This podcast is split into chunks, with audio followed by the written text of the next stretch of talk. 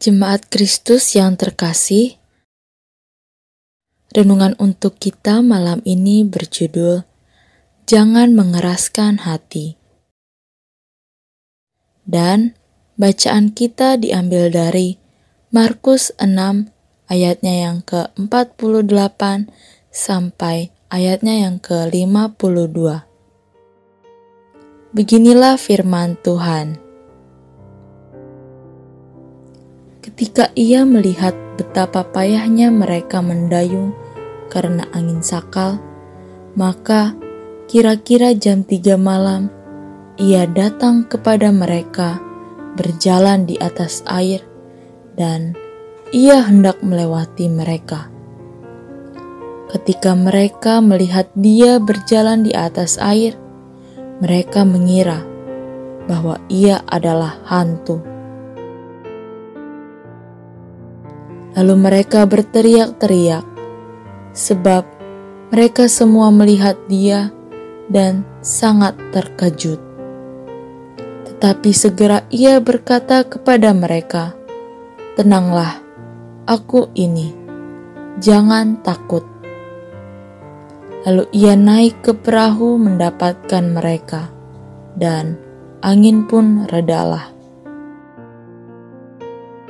Mereka sangat tercengang dan bingung, sebab sesudah peristiwa roti itu, mereka belum juga mengerti, dan hati mereka tetap degil.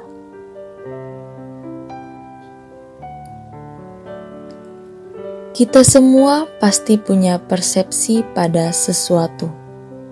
Biasanya, persepsi tidak mudah hilang ketika itu memang sudah menjadi pemahaman yang kita percayai betul.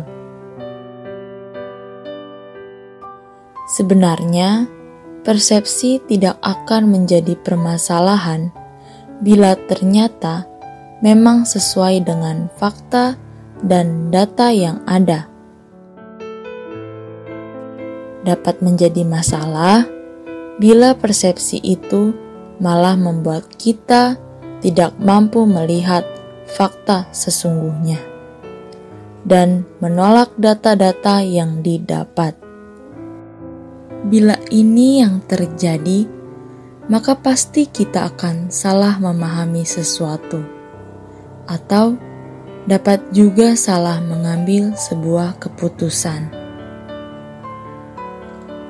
Kira-kira seperti itulah yang dilakukan para murid, sehingga mereka tidak mampu mengenali siapa Tuhan Yesus sebenarnya.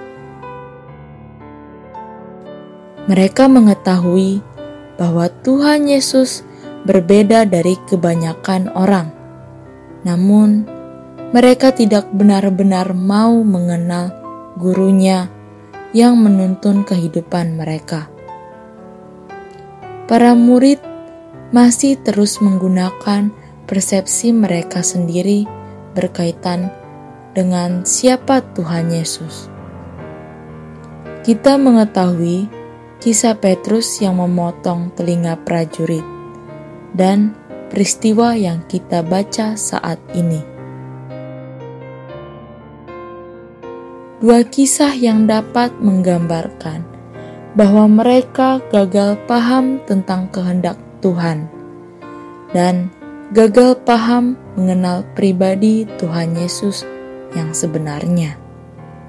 Maka, tak heran saat Tuhan berjalan di atas air, respon mereka ketakutan seperti melihat hantu, bukan memuliakan kuasa Tuhan. Siapa tahu kita juga masih seperti para murid, kita dipenuhi paradigma dan persepsi yang masih menguasai cara hidup dan beriman kita.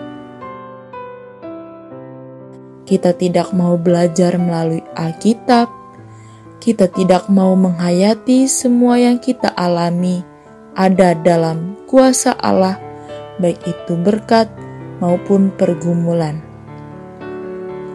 ataupun kita masih merasa dapat mengatur Allah melalui semua permintaan-permintaan yang kita panjatkan dalam doa-doa kita. Mari dengan tekun belajar mengenal Allah dengan benar. Jangan mengeraskan hati, apalagi merasa dapat mengatur Tuhan untuk memenuhi kebutuhan-kebutuhan kita. Demikianlah renungan malam ini.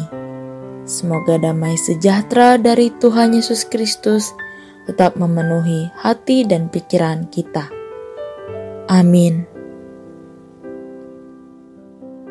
Jemaat yang terkasih, mari kita bersatu hati menaikkan pokok-pokok doa yang ada dalam gerakan doa 21 GKI Sarwa Indah.